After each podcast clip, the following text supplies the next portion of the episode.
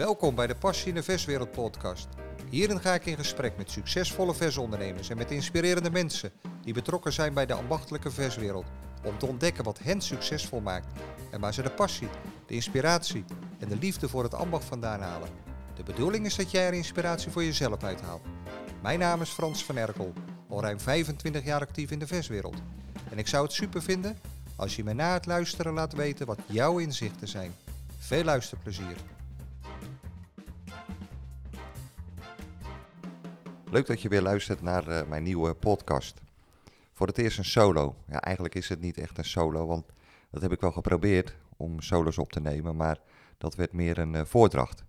Dus wat we nu hebben gedaan, zit hier aan tafel met eh, Janine Hallo.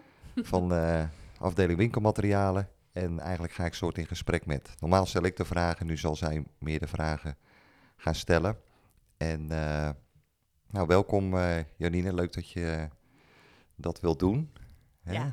Dus eh, Ja. eigenlijk is, eh, ik wilde de solo plaatsen en toen zeiden de dames, nee Frans, dit is te veel eh, voorgelezen of een voordracht. Ja. En we gaan het anders doen. Ik ga in gesprek met jou. Ja. En we zitten tegenover elkaar. En dus in plaats van dat ik de vragen stel, zal zij mij wat vragen over mijn bevindingen van de afgelopen periode. Van het maken van podcast, de eerste interviews. En eh, nou, wat, ik, eh, wat voor inzichten dat er zijn en eh, hoe we verder willen. ja, dat klopt. Ja, want eh, je hebt nu vijf interviews online staan, Frans. Ehm, dus ja, ik ben benieuwd hoe je dat eigenlijk vindt, het podcast maken. Ja, ontzettend spannend bij het begin. Ik ben natuurlijk al lange tijd bezig met de voorbereidingen. Ehm, ik heb een coach met een training daarbij. En je ga je apparatuur kopen. En ja, bij het begin dan is dat allemaal lastig. hè. analoge man in een digitale wereld. dus voor het editen heb ik sowieso eh, besteed ik uit. Ja, Maar eh, ja, je bent er maanden mee bezig. Het is echt niet zo dat je zegt, ik eh, ga een podcast maken. En volgende week staat hij op Spotify of iTunes. ja, Zo is dat niet. Er komt echt wel even kijken. ja, En, dus ik heb echt maanden voorbereiding gehad. Ja, en dan, eh, dan, komen de, dan maak je een lijstje van die je graag geïnterviewd wil hebben. En die ga je bellen en die ga je een uitnodiging sturen.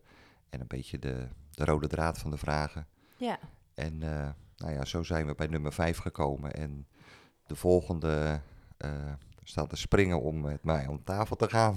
ja, want je podcast wordt leuk ontvangen, dus dat is alvast fijn, toch? Ja, zeker. ah, weet je, je hebt helemaal geen idee van... Ja, zijn het er tien die de moeite willen nemen? Zijn het er twintig? Zijn het er honderd? Ja, Nou goed, eh, we gaan richting eh, de 800 downloads. Dat betekent dat eh 800 zijn die hem eh, geheel of gedeeltelijk eh, beluisterd hebben, één of meer eh, afleveringen. Dus eh, Ja. voor mij boven verwachting. ja.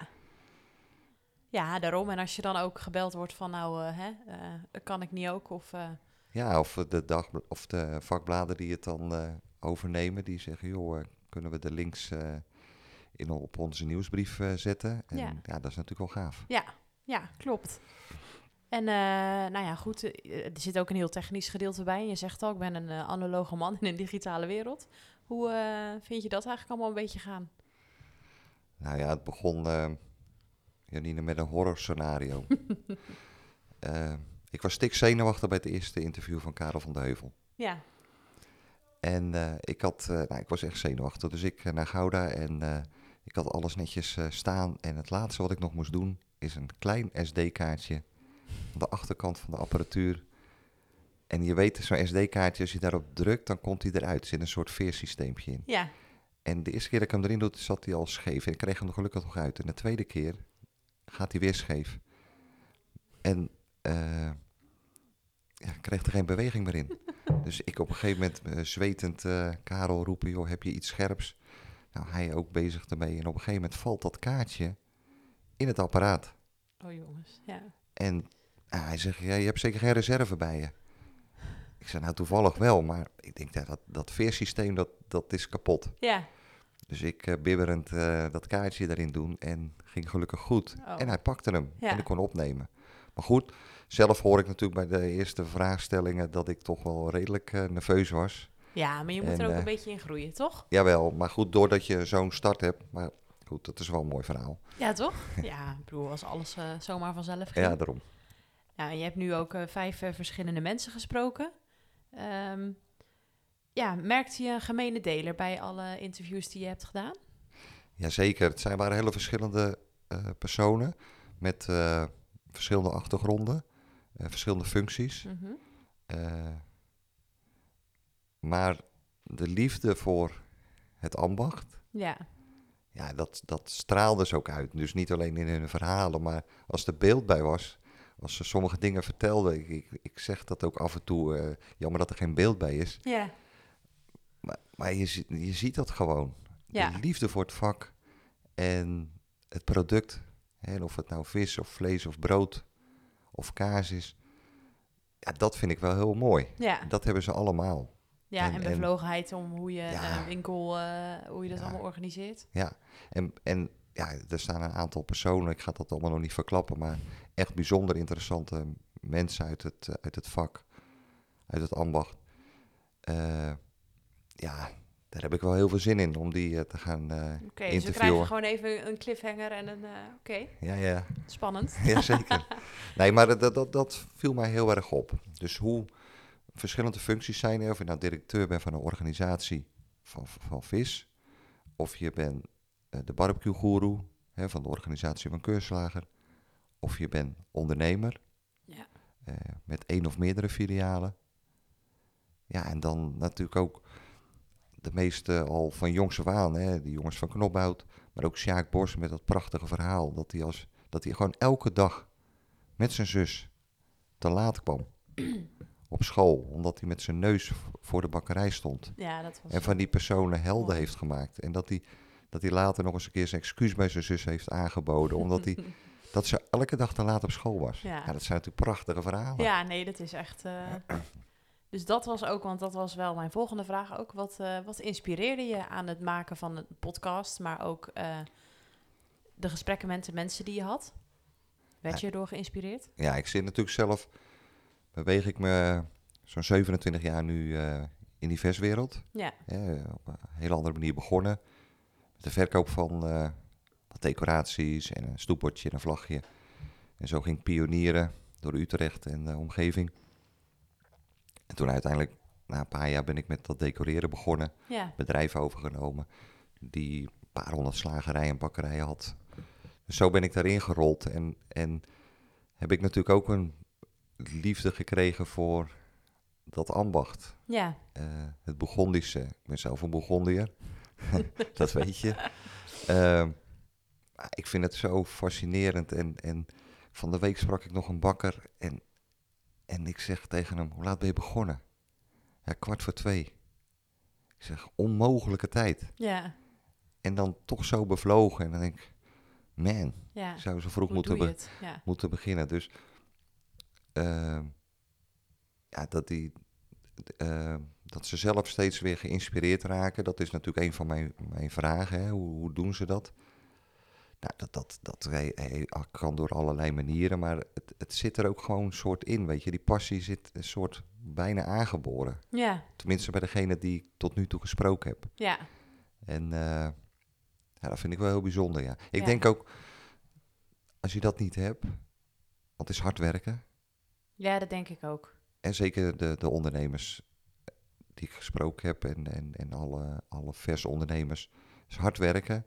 Dus als je niet die, die passie hebt, ja, dan, dan, dan weet ik niet hoe ja, het dan dus eindigt op een gegeven eh, kan je constateren, de ondernemer, dat eh, word je niet, dat ben je eigenlijk al. Je kan het niet per se leren.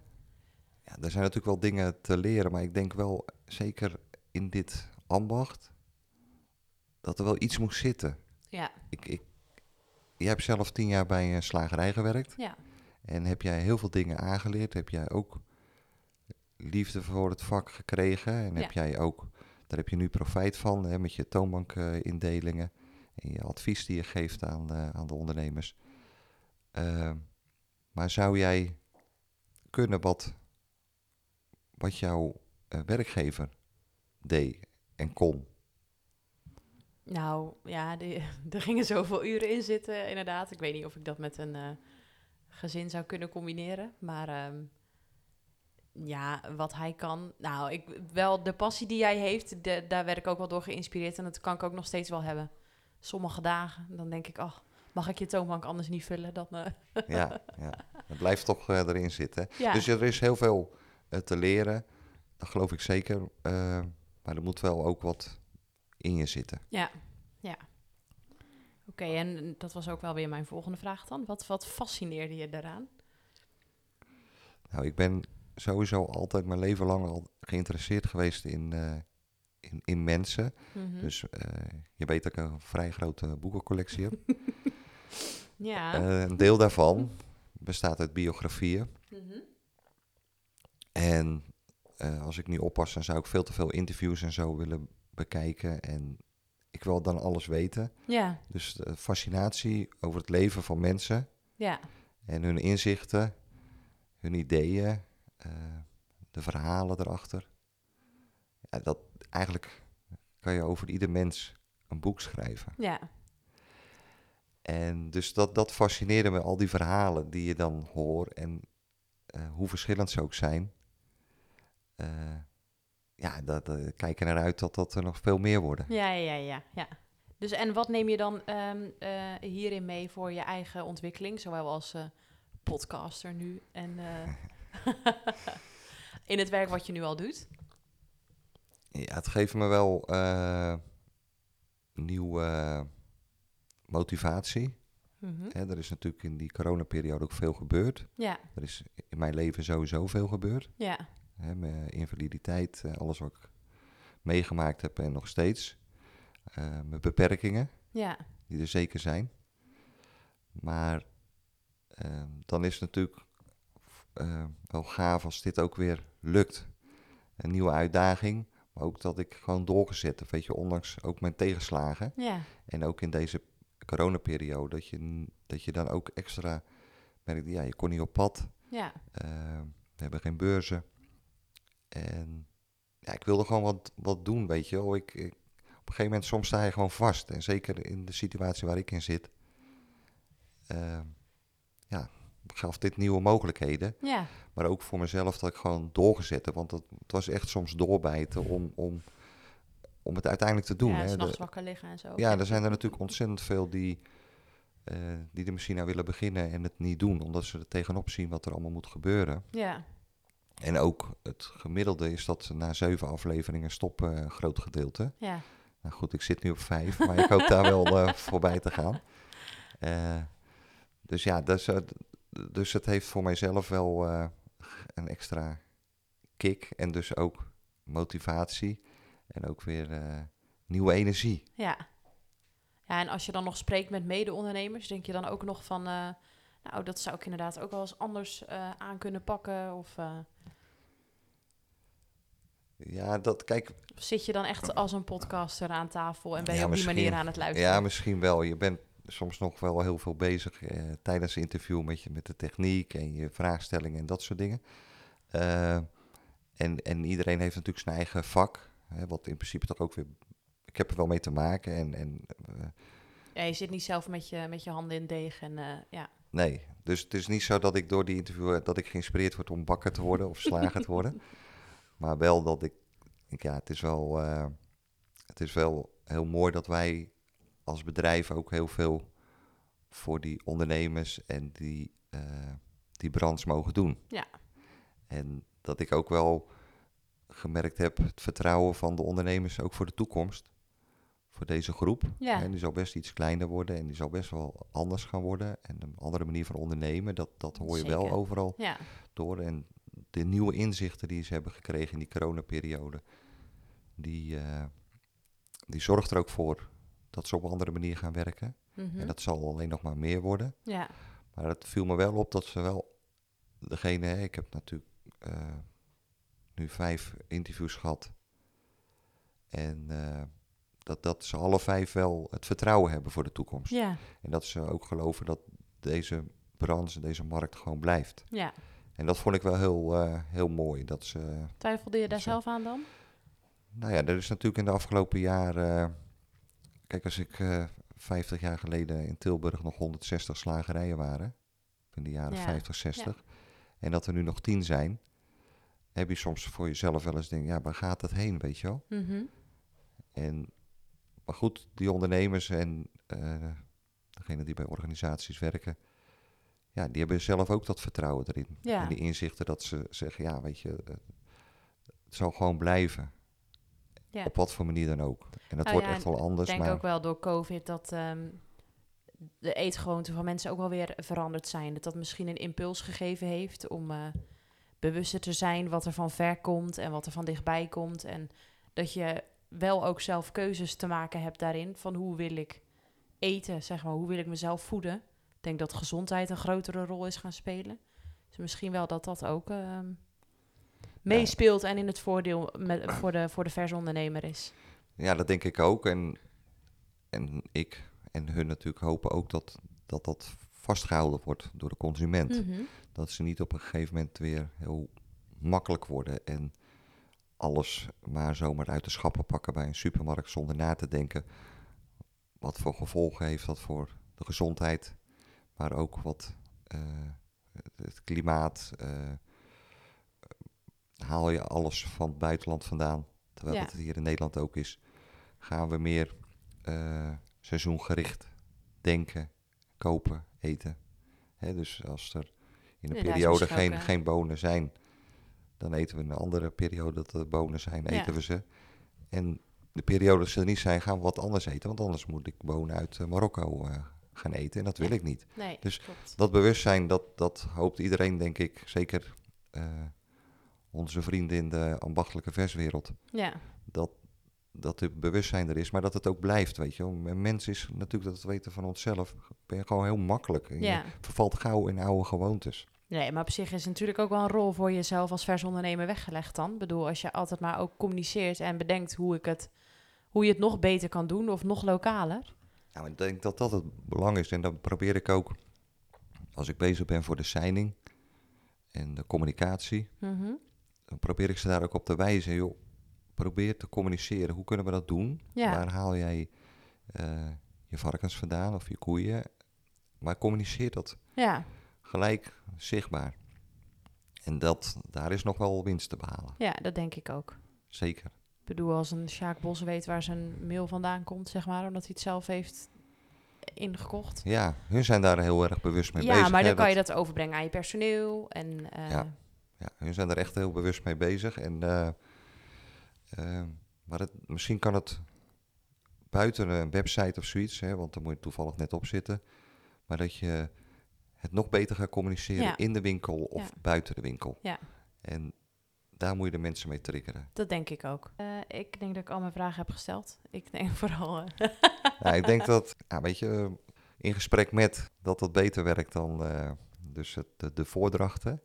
en eh, dat moeten we gewoon een vervolg eh, gaan geven. ja. Dat we, ja, want je wilde graag nog meer vertellen. Je hebt nu al een klein inzichtje gegeven ja, ik over heb heel veel jou persoonlijk. Ja, ik eh, kom daar zeker op terug. Ja. Heb ik ook al eerder aangegeven dat ik daar wel een keer over wat wil zeggen. Maar we moeten niet alle, alles gelijk de eerste keer vertellen, toch? Nee, zo is dat. Dus, Nee, zo is Nou, dat. super. Super dat je even de tijd nam, Ja, want het is heel druk. en eh, altijd druk. ja, zeker. Maar eh, nou, tot de volgende keer. Ja, eh, zo is dat. Fijne dag. Oké. Super dat je weer luisterde naar deze podcast. Het is eenvoudig om een review achter te laten als reactie op deze aflevering. Ga naar je podcast-app en klik op reviews en laat bijvoorbeeld 5 sterren achter. En wil je in het vervolg alle afleveringen overzichtelijk onder elkaar? Abonneer je dan op deze podcast. Klik in de podcast-app bijvoorbeeld iTunes of Spotify op de button subscribe of abonneren en je ontvangt automatisch een bericht als er een nieuwe aflevering verschijnt. Ik kijk er naar uit om berichten te ontvangen met vragen en suggesties. En wellicht wil je iemand geïnterviewd hebben of heb je input voor een solo-aflevering? Laat het me weten via een connectie op social media of stuur een e-mail naar frans.vanerkel.nl. Graag tot de volgende aflevering.